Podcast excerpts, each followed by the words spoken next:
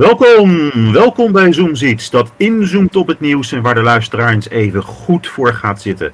Wij zijn Ruben Vis vanuit het Amsterdamse Ronnie IJzerman en weer terug op zijn home honk, Jair IJzerman in Jeruzalem. Dit is Zoomziets editie 27 van nog steeds de eerste jaargang. Jair, hoe is het om weer thuis te zijn? Weg uit... Heerlijk. Heerlijk. Lekker weer thuis, lekker weer mijn eigen, eh, la- eigen toilet. En, en, en altijd soort kleine dingetjes is altijd lekker. Goed zo. Maar het was best leuk in Nederland hoor. Vertel, hoe heb jij je week als toerist in Nederland ervaren? Nou, ik was eh, geregeld bij jou langs. Ik was geregeld met mijn broer langs. Hallo broer. Goedemiddag. En ehm, ik was, eh, nou, we hebben leuke dingen. Voor de stichting hebben we mooie dingen. Zijn we dit bezig met mooie dingen. We hebben weer het een en ander in gang gezet.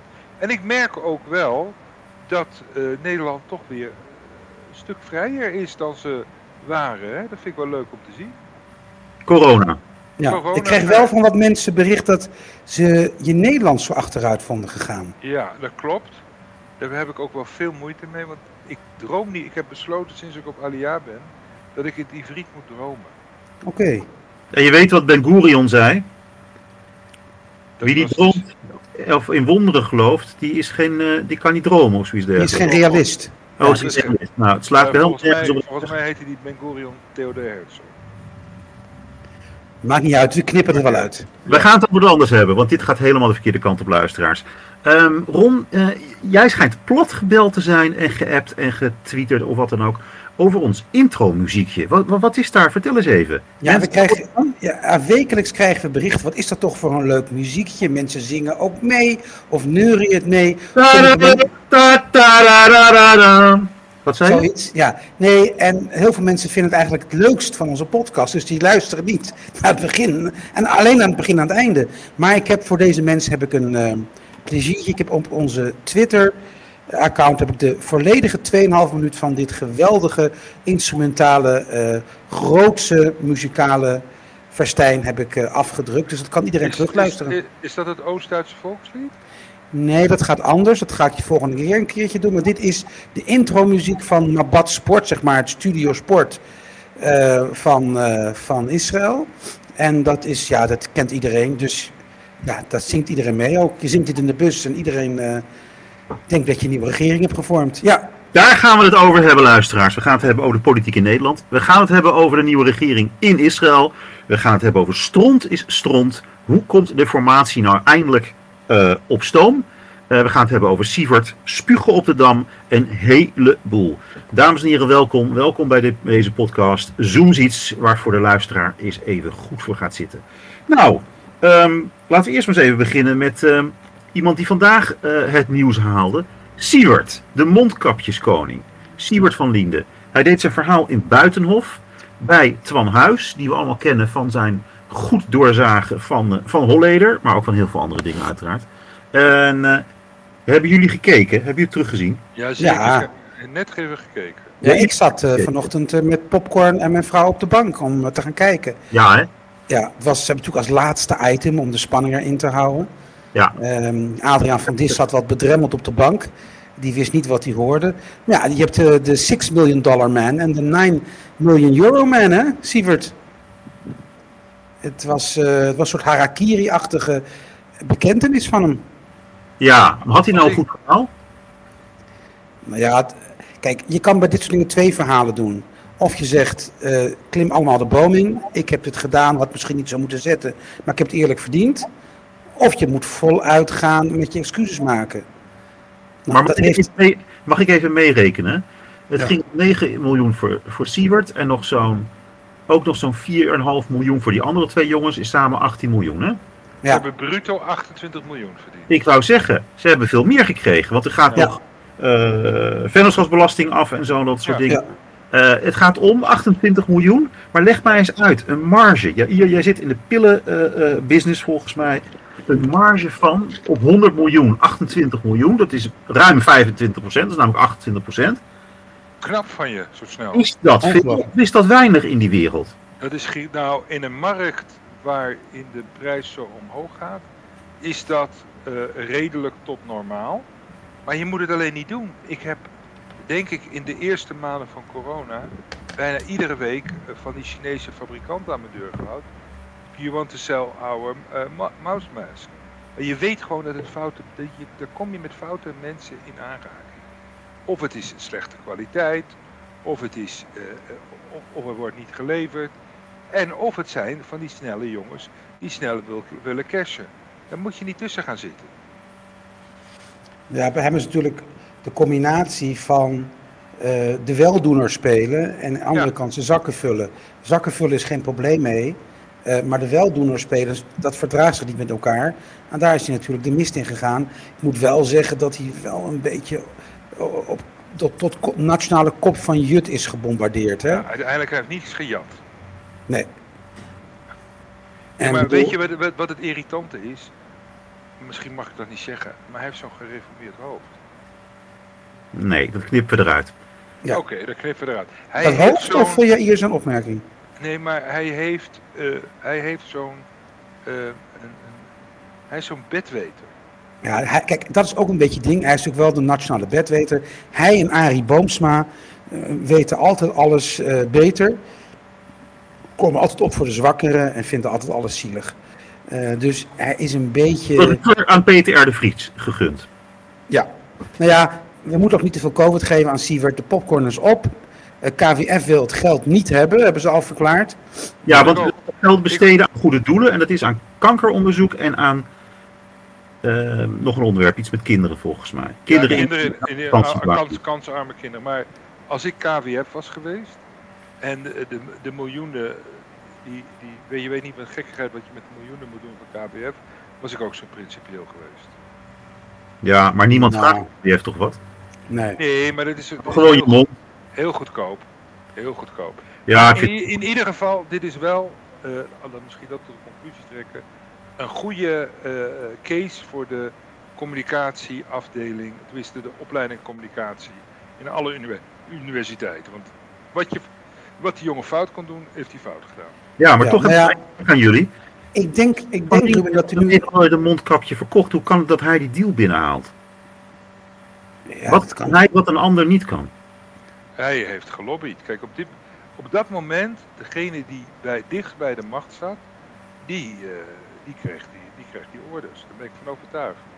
Ja, en het is nog niet klaar, want wij sluiten het nu wel af omdat de popcorn uh, op is. Maar ik denk dat binnen de CDA is er nog een onderzoek. En denk ook op het ministerie zal er onderzoek zijn hoe hij inderdaad hier tussen heeft gekomen. Hij is geen erkend mondkapjesverkoper of uh, medicijnverkoper. Of, hij is gewoon een gelegenheidshandelaar uh, geweest. Hij is tussen geschoven omdat hij die contacten heeft. Hij, en, hij, ja, hij is degene geweest die is tussen geschoven. Hij zit er gewoon als handelaar zit hij ertussen. Want degene die het importeren is Mediek geweest. Dat is het oude ja. OPG de grootste groothandel van Nederland. Ja, en hij, heeft gewoon, hij is gewoon als ja, flink betaalde lobbyist, is hij gewoon tussengeschoven. Als het, jou lukt, als het jou lukt, Sievert, grote vriend, om dit te slijten bij het ministerie, krijg jij van ons 50%. Ja. dat kan gewoon. Ja, als het hem lukt wel. Nou ja, volgende onderwerp. Ruben. Ja, we moeten hem ophouden. Sievert die gaat ons niet ons hele podcast bezighouden. Um, ook iets naars andere orde, dichter bij huis. De Dam. Spugen op de Dam. Wat is daar gisteren nou weer gebeurd? Ja, er was een uh, groep demonstranten. Of manifestatie met uh, Israëlische vlaggen en wat muziek. Uh, je had de toestemming van de burgemeester van de gemeente om daar op de Dam te zijn. En op een gegeven moment, in die filmpjes hebben we natuurlijk allemaal nu gezien, maar probeert even uit te beelden. Komt daar een jongetje met twee Ehm, ehm, ja, tantes, moeders, ouders, twee vrouwen. Komt richting eh, dat groepje, vraagt even, spreekt even met die oudere dames wat. Dat is een jongetje van acht of negen of tien jaar. En vervolgens spuugt hij tegen die mensen en de Israëlische vlag. Uh, roept nog wat, steekt zijn middelvinger op en gaat genoegzaam met die twee vrouwen, loopt hij weg. Nou, dus, uh, dat, dat is een beetje hoe wij tegenwoordig op de Dam onze vrijheid moeten vieren. En uh, nou natuurlijk, uh, ik vind, voordat jullie wat van vinden, maar dit is exemplarisch hoe deze mensen omgaan met deze mensen, met name de Turkse en Marokkaanse gemeenschap, omgaan met het fenomeen Israël. Van jongs af aan wordt hun ingeprent dat Israël en Joden slecht zijn. En onder toeziend oog en met in instemming van, van ouderen wordt zo'n kind opgezet om even naar de Israëlische vlag en naar mensen daar te spugen. Ongelooflijk. En die jongen is 9 jaar. Wat gebeurt als Ja. hij 19 is? Een opvoeding. Dan, dan Kan loopt je- hij dood aan de Joden te schreeuwen. Kan je, ehm, kan je die ouders vervolgen of zo? Ja, daar, ja, je zou die ouders misschien. Ja, ik heb over nagedacht vandaag. Je zou een soort. eh, je kan jeugdzorg erop afsturen, hè? de kinderbescherming. Dit is natuurlijk de manier waarop je kinderen niet hoort op te voeden. Rick, wat ben je allemaal aan het doen? Ja, rustig. weer. En eh, push-ups aan het doen? wat is hij aan het doen allemaal? Doe eens rustig. Heerlijk. Eerlijk. Nou, en. eh, De Dam. En eh, ja, dus dat is een beetje. Ik, ik hoop dat in de gemeenteraad eh, wat vragen worden gesteld. Eh Sidi heeft een verklaring afgegeven dat men graag wil dat dit wordt onderzocht. Nou, dat kan natuurlijk niet. Het, is, het, het staat voor veel meer dan alleen een brutaal vlaagje, blaagje dat, dat spuugt. Ja, het waren geen tegendemonstranten. Het waren mensen die toevallig langsliepen. Om te winkelen Ja. of wat dan ook. Ja, En dan hun kind van een jaar of acht jongetje daarop afsturen. Dat is wat er gebeurd is. ja, Jongetje moet gewoon een draai om zijn oren krijgen. Ja, en die vrouwen ook. ja. Liever die vrouwen. We gaan een ik, ben, stap. ik ben benieuwd wat, de, wat de, de burgemeester en eventueel de gemeenteraad gaat zeggen. Ja, er is dat, toch- daar is toch wel altijd toezicht ook. Toch? Dat is een handhaving.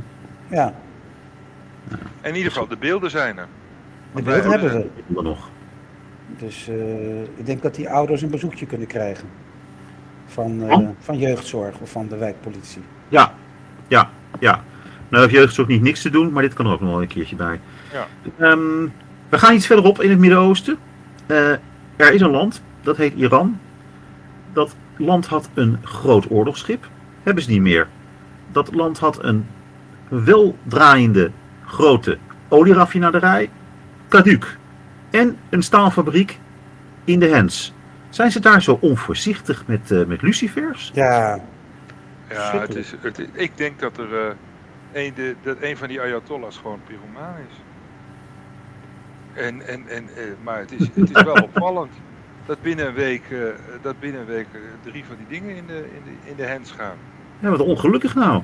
Ja, heel ongelukkig. Ik denk, ik heb zo'n vermoeden dat dat hier niet blijft, blijft liggen. Het laat ook gewoon zien, laten we eerlijk zijn, dat de Mossad zegt, jongens, ten alle tijden komen we bij jullie binnen en we kunnen alles in de hand steken. Ja.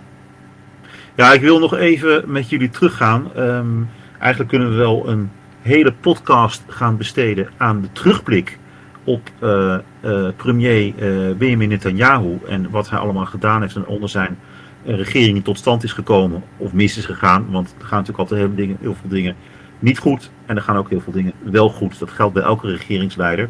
En zeker bij Netanyahu, die toch eh, twaalf jaar lang langzittende premier is geweest, maar het einde eh, lijkt nu echt eh, nabij.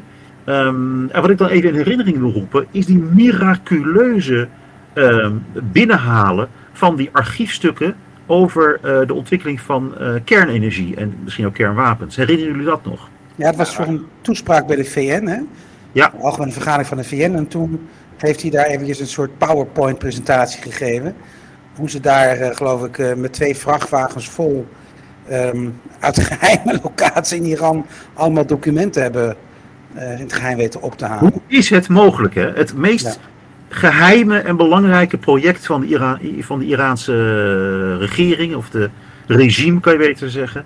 Daar slaagt Israël in om dat gewoon twee vrachtwagens vol, of misschien wel meer, het, het land uit te smokkelen. Maar wat, wat, ik niet begrijp, hè, die, die, die branden die ze nu aansteken en ook die, die papieren die ze stelen, dat is waarschijnlijk om het moraal naar beneden te halen. Maar volgens mij kunnen ze ook zo eh, eh, die, die, die, die, atoomcentrale eh, neerhalen, denk ik. Ja, dat is wel de onderliggende boodschap, hè? Ja. Ja.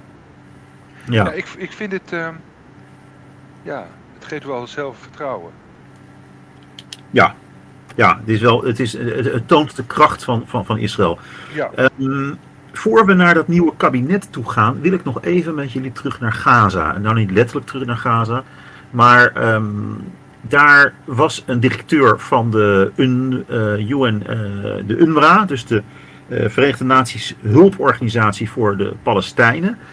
Een Duitser, meen ik, die heeft gezegd, nou, eh, Israël heeft het allemaal wel gebombardeerd, maar allemaal precisiebombardementen. En die Ja, man die, eh, kon in de kortste keren zijn biezen pakken, hè? die is weg hè, van die plek. Ja. Ja, Die, die moest vluchten ook.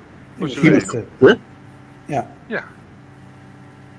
Maar Die is, moest in vluchten. Gaza houden ze niet van de waarheid. Ze houden daarvan heel veel dingen, maar tegen de waarheid kunnen ze niet. En deze man, eh, heel opmerkelijk, heeft verklaard dat hij kon bevestigen wat jij eh, zegt, Ruud. Ehm, dat Israël eh, zeer terughoudend om is gegaan met het bombarderen. En daar waar mogelijk altijd burgerslachtoffers heeft willen sparen. En ehm, nou ja, eigenlijk een soort compliment aan de wijze waarop Israël die oorlog heeft gevoerd. Gelijktijdig natuurlijk ook een soort ja, claim neerlegt bij, bij Hamas dat natuurlijk dat helemaal niet heeft gedaan. En die zonder aanzienspersoon zoveel mogelijk burgers heeft willen raken. Zowel in Gaza met misgeschoten raketten als natuurlijk in Israël zelf. En die is eh, ja, door deze eh, opmerkingen meteen, eh, moest hij onderduiken twee dagen later. En is in het geheim uit Gaza gezet. En het laatste nieuws wat er is, is dat onder de school van de UNHCR is er ook weer een, een, een, een, een, metrolijn, zoals ze dat noemen, gevonden. Een ondergrondse gevechtseenheid, een, een tunnel van de Hamas. Wel degelijk onder een school dus, Ja. Ja, in Gaza. in Ja. Gaza. Nou, nou, nou, dus als je kijkt, die puzzelstukjes gaan toch wel op zijn plaats vallen. En, en eh, de bevestiging lijkt toch te zijn dat, dat, dat datgene wat het Israëlische leger gedaan heeft, toch inderdaad precisiewerk is geweest. En, en niet voor niks eh, dus ook gedwongen was om dit soort eh, plekken te bombarderen. Ja. Omdat eh, Gaza, Hamas en de islamitische jihad zich verschansen onder scholen en, en, en bevolkingscentra. Ja. Hey, ehm, nu krijgen we een nieuwe regering zoals het er naar uitziet. Ja. Eh, zijn ze al bij elkaar geweest, de leiders van deze acht eh, politieke partijen? Ja, ja hier vanavond, eh, vanmiddag voor het eerst. Vanmiddag voor het eerst in een Dan Hotel in Tel Aviv. Ja, en dan, ik zie ze aan de koffie met z'n achter zitten aan een lange witte tafel. Ook die foto heb ik even getweet. Kunnen mensen ook bekijken. Het ziet er heel gemoedelijk en gezellig uit. Dat in tegenstelling tot eh, de tegenstanders, onder aanvoering van, van Bibi en van de eh, nationalistische partijen en de religieuze partijen, die staan op hun achterste benen. Je weet het niet. Ehm, ze gaan er alles aan doen, alles uit de kast halen om eh, nog voor de installatie van de regering dit tegen te houden. En ze zullen niet rusten voordat deze misdadige, frauduleuze handeling, zoals ze dat noemen, met name van eh, Naftali Bennett, de, de nieuwe premier, tot die eh, tot een einde komt. Ja, maar jij zegt ze zullen er alles aan doen. Het blijkt toch dat de Shin Bet, de veiligheidsdienst, eh, die heeft eh, niet alleen Bennett, maar ook een aantal andere, zoveel Knessetleden hebben ze niet, maar ook de meeste andere Knessetleden van Yamina, van de partij van Naftali Bennett, eh, onder bescherming geplaatst, de extra beveiliging.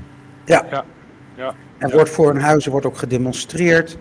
Er is al tot relletjes gekomen voor hun huizen met voor- en tegenstanders.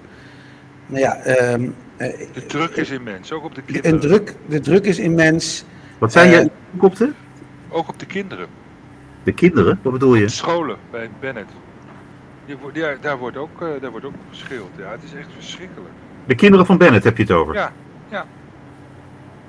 Die kunnen niet meer normaal naar school. nee, die hebben schoolgaande kinderen. En eh, die, ja, dat, die, die, die gaan, er, zoals jullie weten, hebben, heeft, is Bennett eh, een, een dati man. En die kinderen gaan naar dati scholen, die toch allemaal heel recht zijn. En daar wordt, daar wordt ze met, eh, ja, met de nek aangekeken. Die hebben geen leven. Nee, het is verschrikkelijk. Het is echt heel erg. En de enige die dat tot bedaren kan brengen, je kan het een beetje vergelijken met Trump, eh, met de aanvallen op de, op Capitool. Als je daar olie op het vuur gaat gooien, weet je niet wat die idioten gaan doen. Nee. Er zijn natuurlijk die extreme, ehm, eh, extreme belangen, extreme visies, extreme partijen, extreme mensen.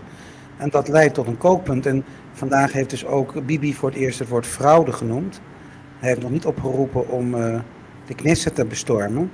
En dat zal ook niet gebeuren. Maar eh, de atmosfeer is verre van relaxed. Is, de, is er een soort gevoel van een, eh, we zijn bang voor een tweede Yigal Amir situatie Ja. met, Ja, met absoluut. Rabin? Absoluut. daar hebben de veiligheidsdiensten ook voor gewaarschuwd. Zo concreet? Ja. Ja. Nou, dat, dat, dat niet dat er aanwijzingen zijn, maar deze ophitserij kan leiden tot. Ja, het zijn lone wolves, hè? Want dat, Ja. dat, dat- daar gaat het vaak om. Ja, ja. Wat een zorgelijke situatie. Want, een- wat, een- wat een, want je moet toch stabiliteit hebben en, en, en, en dat, dat, dat, dat eh, wordt zo ondermijnd.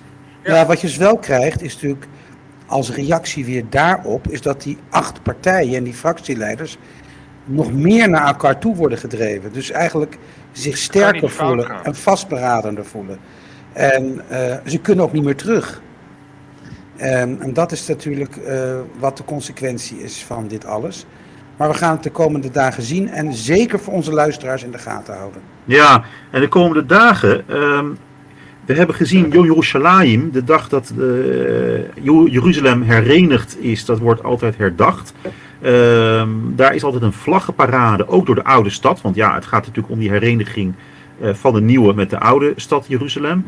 Eh, die vlagparade die is toen gestopt. Die mocht niet door de oude stad vanwege de eh, spanningen, eh, ook rond de Al-Aqsa-moskee eh, en, en, en, en het einde van de Ramadan en al dat soort dingen meer.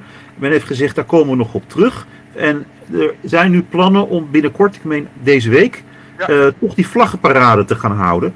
En hoe, hoe staat de politiek daarin? Nou, daar wordt. eh, eh, de politiek staat daar in zoverre in. Eh, dat eigenlijk eh Benny Gans, de minister van Defensie, heeft gezegd: laten we het maar niet doen. Maar eh, of het nou wel of niet doorgaat, het is natuurlijk ieder, ehm, eh, iedere actie die nu komt, daar wordt gewoon gekeken van wat is de reactie. En dat is, een, dat is, een, een, een, dat is extra druk op de ja, broze coalitie die er nog is. Ja, ja. Eh, is er ook nog goed nieuws eh, hier uit, eh, uit Israël, bijvoorbeeld op het coronaterrein of zo? Ja, wat wel leuk is, is vanavond opgeroepen dat per 15 juni het enige, ja, enige maatregel die er nog is, dat je in, binnen in een, bij grote getalen een mondkapje moet op. Dat dat wordt af, als, als de cijfers zo doorgaan zoals ze nu doorgaan, dat dat wordt afgeschaft. Dus dan is eigenlijk corona verleden tijd. Daarmee vervalt dus de laatste coronamaatregel die Israël nog had. Ja, en ze hadden bijvoorbeeld afgelopen gisteren waren er geen nieuwe besmettingen. Dat gaan wij ook krijgen, Ron, hier in Nederland. Ja, absoluut. Eh, en we zijn goed op weg. Eh, boven de 10 miljoen vaccinaties. Ik sprak vandaag iemand op zondag ook gevaccineerd. Op zaterdag wordt er gevaccineerd. Het is nu round the clock. En je ziet ook dat bij de mensen die wat terughoudender zijn om zich te laten vaccineren, de golf aan eh, hoeveelheid vaccinaties hun ook overtuigt om dat wel te doen. Hoewel men wel het idee heeft dat de der, onder de 30 jaar de animo om te vaccineren wat lager is. Hetgeen natuurlijk niet zo verwonderlijk is. Velen onder 30 hebben eh, COVID gehad. Anderen denken dat COVID ja, eh, hun niet zal raken. Maar het is wel van belang ehm, voor de groepsimmuniteit dat zoveel mogelijk mensen, ook onder de 30, zich laten vaccineren. Ik las dat het 85% nu is. Dat is Ja. heel hoog. Dat is echt Ja, heel maar als je vandaag stond in het Parool of gisteren dat in, eh, in, eh, Nieuw-West en in Zuidoost eh, het net boven de 50% maar komt. En dat men toch wel zorgen maakt, ja, met name om die wijken, en dat dat te laag is om die groepsimmuniteit, als je inzoomt op die wijken waar mensen toch veelal wat meer op elkaar wonen, kleiner behuisd zijn, dat daar die groepsimmuniteit niet wordt gehaald. En dan blijft dat virus dus eh, rondsmeulen. Ja, en er is nog een factor die daarmee speelt. Eh, eh, in die wijken, daar gaat het ook vaak om migranten. Eh, als die migranten gaan naar landen van herkomst, bijvoorbeeld naar Ghana, bijvoorbeeld naar andere landen, Marokko, noem maar op. En als daar een andere variant nog rond waart, dan zou het zomaar kunnen dat deze niet gevaccineerde landgenoten die eh, niet die nieuwe varianten meenemen, mee terugnemen van hun eh, vakantiebestemming. Ja. En dat is ook een risico. Ja. Ja. Dus eh, er moet alles aan gedaan worden om ook in die kringen eh, de gemeente, de GGNGD, eh erin te sla moeten inslagen om eh, die mensen te overtuigen en ook in ieder geval de informatie bij ze te brengen dat inenten echt belangrijk is.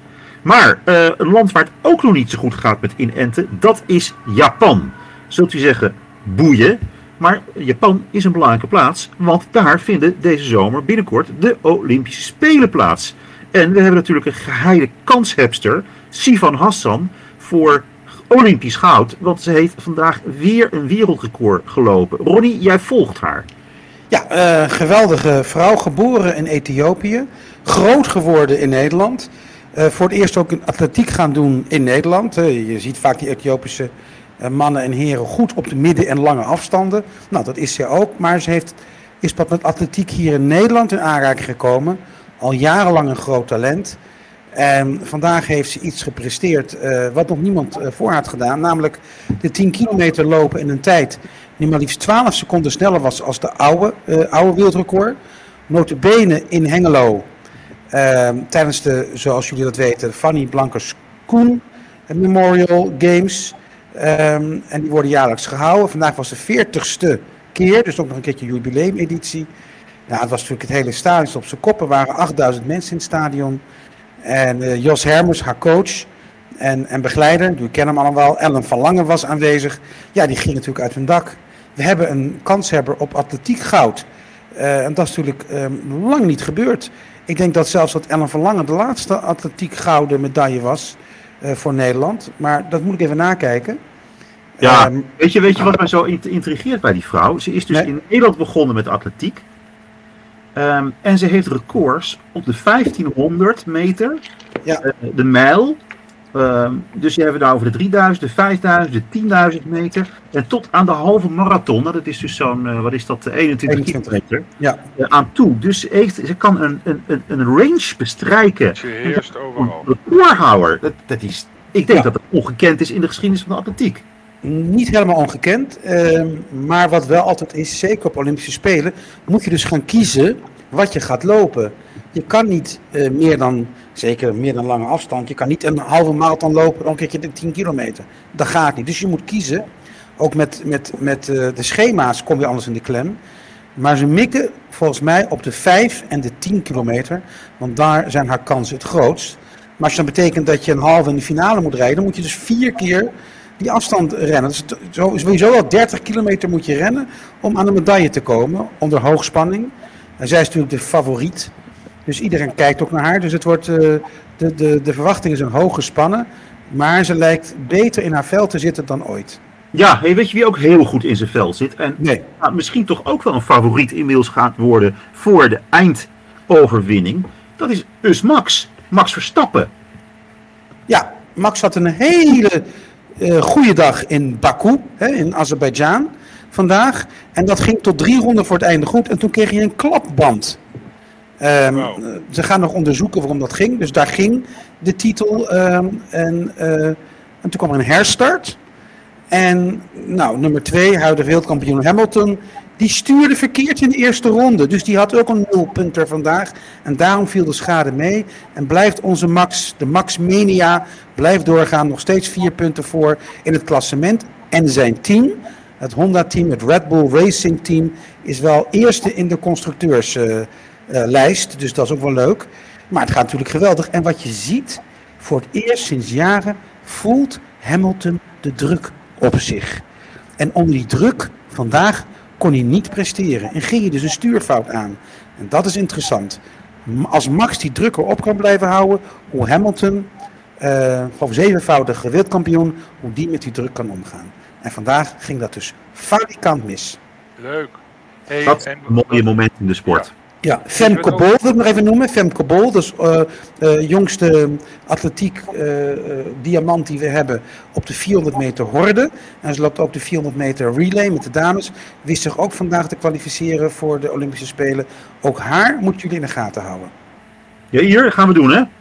Dat gaan we zeker doen. Wat ja. we ook een keertje moeten bespreken, maar nu niet. Want we hebben genoeg te bespreken, is het Scandinavische bedrijf wat alle rechten opkoopt. Van het Formule 1, hè, onder andere, en van ja. Formule 1, Duits voetbal. En uh, een totaal dark horse. Die, uh, dat is best wel een interessant verhaal. Dat zou ik nog eens een keertje moeten doen. Ja, de Super League is er nog niet. Maar uh, achter de decoder gaan heel veel wedstrijden wel ja. Ja. in de sport. hey, um, weet je wie vandaag weer gespeeld heeft? Daily Blind. Ja. En, eh, en, en, en, en Wout Weghorst heeft zijn eerste goal. Ja, Ja. maar laten we eerst ons even focussen op Daly. Want hij is heel lang eruit geweest. Ja, dat viel dus eigenlijk mee hoe lang dat was. Wel in de cru- meest cruciale eh, ehm, fase van de competitie in de UEFA Cup. Daar kon hij dus niet bij zijn. Maar hij is natuurlijk enorm snel hersteld van die enkelbandenscheur. Ja, En hij heeft vandaag weer meegespeeld. Hij speelde best aardig. halve wedstrijd. Ja, halve wedstrijd. En eh, ik denk dat hij wel goed is. eh, kijk, ik denk dat als ze hem in het centrum opstellen, dat ook de kansen van Maarten Stekelenburg om eerste keeper te worden groot zijn. Want die twee spelen samen. Ik denk dat daar ook de bondscoach op eh, gokt en op uit is. Dat, eh, dat, eh, dat die twee dan in de basis staan. Inderdaad, ja, hier gaf het al aan. De tweede helft, een mooie combinatie tussen Depay en Wout Weghorst. Ehm, het hele verhaal kennen we hier natuurlijk. Eh, Wout zou eerst niet meegaan, was lang niet geselecteerd. Deed het fantastisch in de Bundesliga bij V- eh, VFL eh, Wolfsburg, waar hij werkt, speelt. En nu prikt hij zijn eerste goal voor Oranje binnen. Was een ontlading voor hem. Ja, mooi. Ja, en het grappige is, het is nu eigenlijk, de discussie is, wie moet daar in het centrum staan, Malen of Wout? En Luc de Jong hoor je nergens meer over. Nee, het wordt natuurlijk, het wordt natuurlijk eh, Wout Weghorst. De man uit Borne. En ze speelden in de Golsvesten. eh, een paar honderd meter van zijn eh, geboorteplek. Oh, wat prachtig. Ja. Wat een emotie, wat een sentiment. Dat hoort ook bij de sport. Eh je, Ier, jij zat laatst in een vliegtuig, om beter te zeggen, vandaag. Ja. Eh, zaten er ook sportievelingen in jouw vliegtuig naar Tel Aviv? Ja, op een gegeven moment vroeg een, eh, ik, ik keek rond en ik zag daar Erwin Koeman. Wie? Erwin Koeman, Erwin Koeman de broer van eh, Ronald Koeman. Maar niemand wist wie die was. Ieder- de- zoals jullie weten bij de AL krijg je daar beveiliging. En zegt, iemand, kent deze eh, scheidsrechter, want hij zegt dat hij scheidsrechter is. Toen heb ik ze maar uit zijn droom geholpen. Ik gezegd, dat is geen scheidsrechter. Dat is de broer van Ronald Koeman. Dat wisten ze nou wel, wie het was. En hij, komt, eh, hij wordt trainer van Betar Jerusalem. Een roemruchte club, in, eh in Jeruzalem. Volgens mij landskampioen nu, hè Ron? En, Nee, eh, dat is, nee, dat is, dat is eh, Hapoel Tel Aviv. Oké, dat is prima. Maar ze hebben Ben altijd... je nou wel ingeburgerd hier? Jawel, maar het voetbal ben ik nog niet zo ingeburgerd. Nee. Kijk, kijk toch Maar waarom, waarom, waarom is de aanhang van Betar zo berucht? Hier kan je daar iets over vertellen? Nou, het is, een, het is vooral een, een, een, eh, fanatieke, eh, raci- eigenlijk wel racistische aanhang die het op de Arabieren vooral moet hebben. En het is echt geen fijn. Ik, we zijn er een keertje. Kan je nog herinneren Ron, dat we daar een keer doorgelopen zijn? Ik weet het. Ja, Het was, het was onheimisch. ja. Dat is niet Ja. fijn. Nee, maar goed, hij moet prestatie... ik, ik, ik heb wel, eh, ik heb wel eh, gezegd, eh, mijn vriend, taxichauffeur, die een groot Betar Jerusalem fan is, die heeft gezegd, zullen we volgend jaar een keertje naar de voetbalwedstrijd gaan? En heb ik gezegd, dat doe ik graag. Dan gaan we kijken hoe Erwin Koeman, onze landgenoot, het eraf brengt daar. Ja, dat is wel leuk. Ehm, eh, dat, is, eh, dat is mooi. Het EK voetbal komt eraan. Eh leeft het al een beetje bij de IJzerlieden? Nou, normaal had ik al buikpijn. Eh, eh, en nu heb ik ook wel buikpijn, maar niet vanwege het feit dat ik nerveus ben voor het voetbal. We zitten nog niet klaar met de oranje tompoes koningsbakker Max de Wolf. Nee, Nee, wij zijn oranje. Dat zing ik wel de hele dag. Dat is die jingle, wat is het, van het kruidvat. Maar voor de rest, eh, bij mij leeft het nog niet. Maar vandaag over een week hebben we de eerste wedstrijd achter de rug. Nederland-Oekraïne. Zo is het. Luisteraars, eh, En misschien het nog... mooiste vind ik, het mooiste vind ik, vandaag was dus de- het uitzwaaimoment. Hè? ja, het was zo nebbies. Het uitzwaaimoment. En waar spelen we?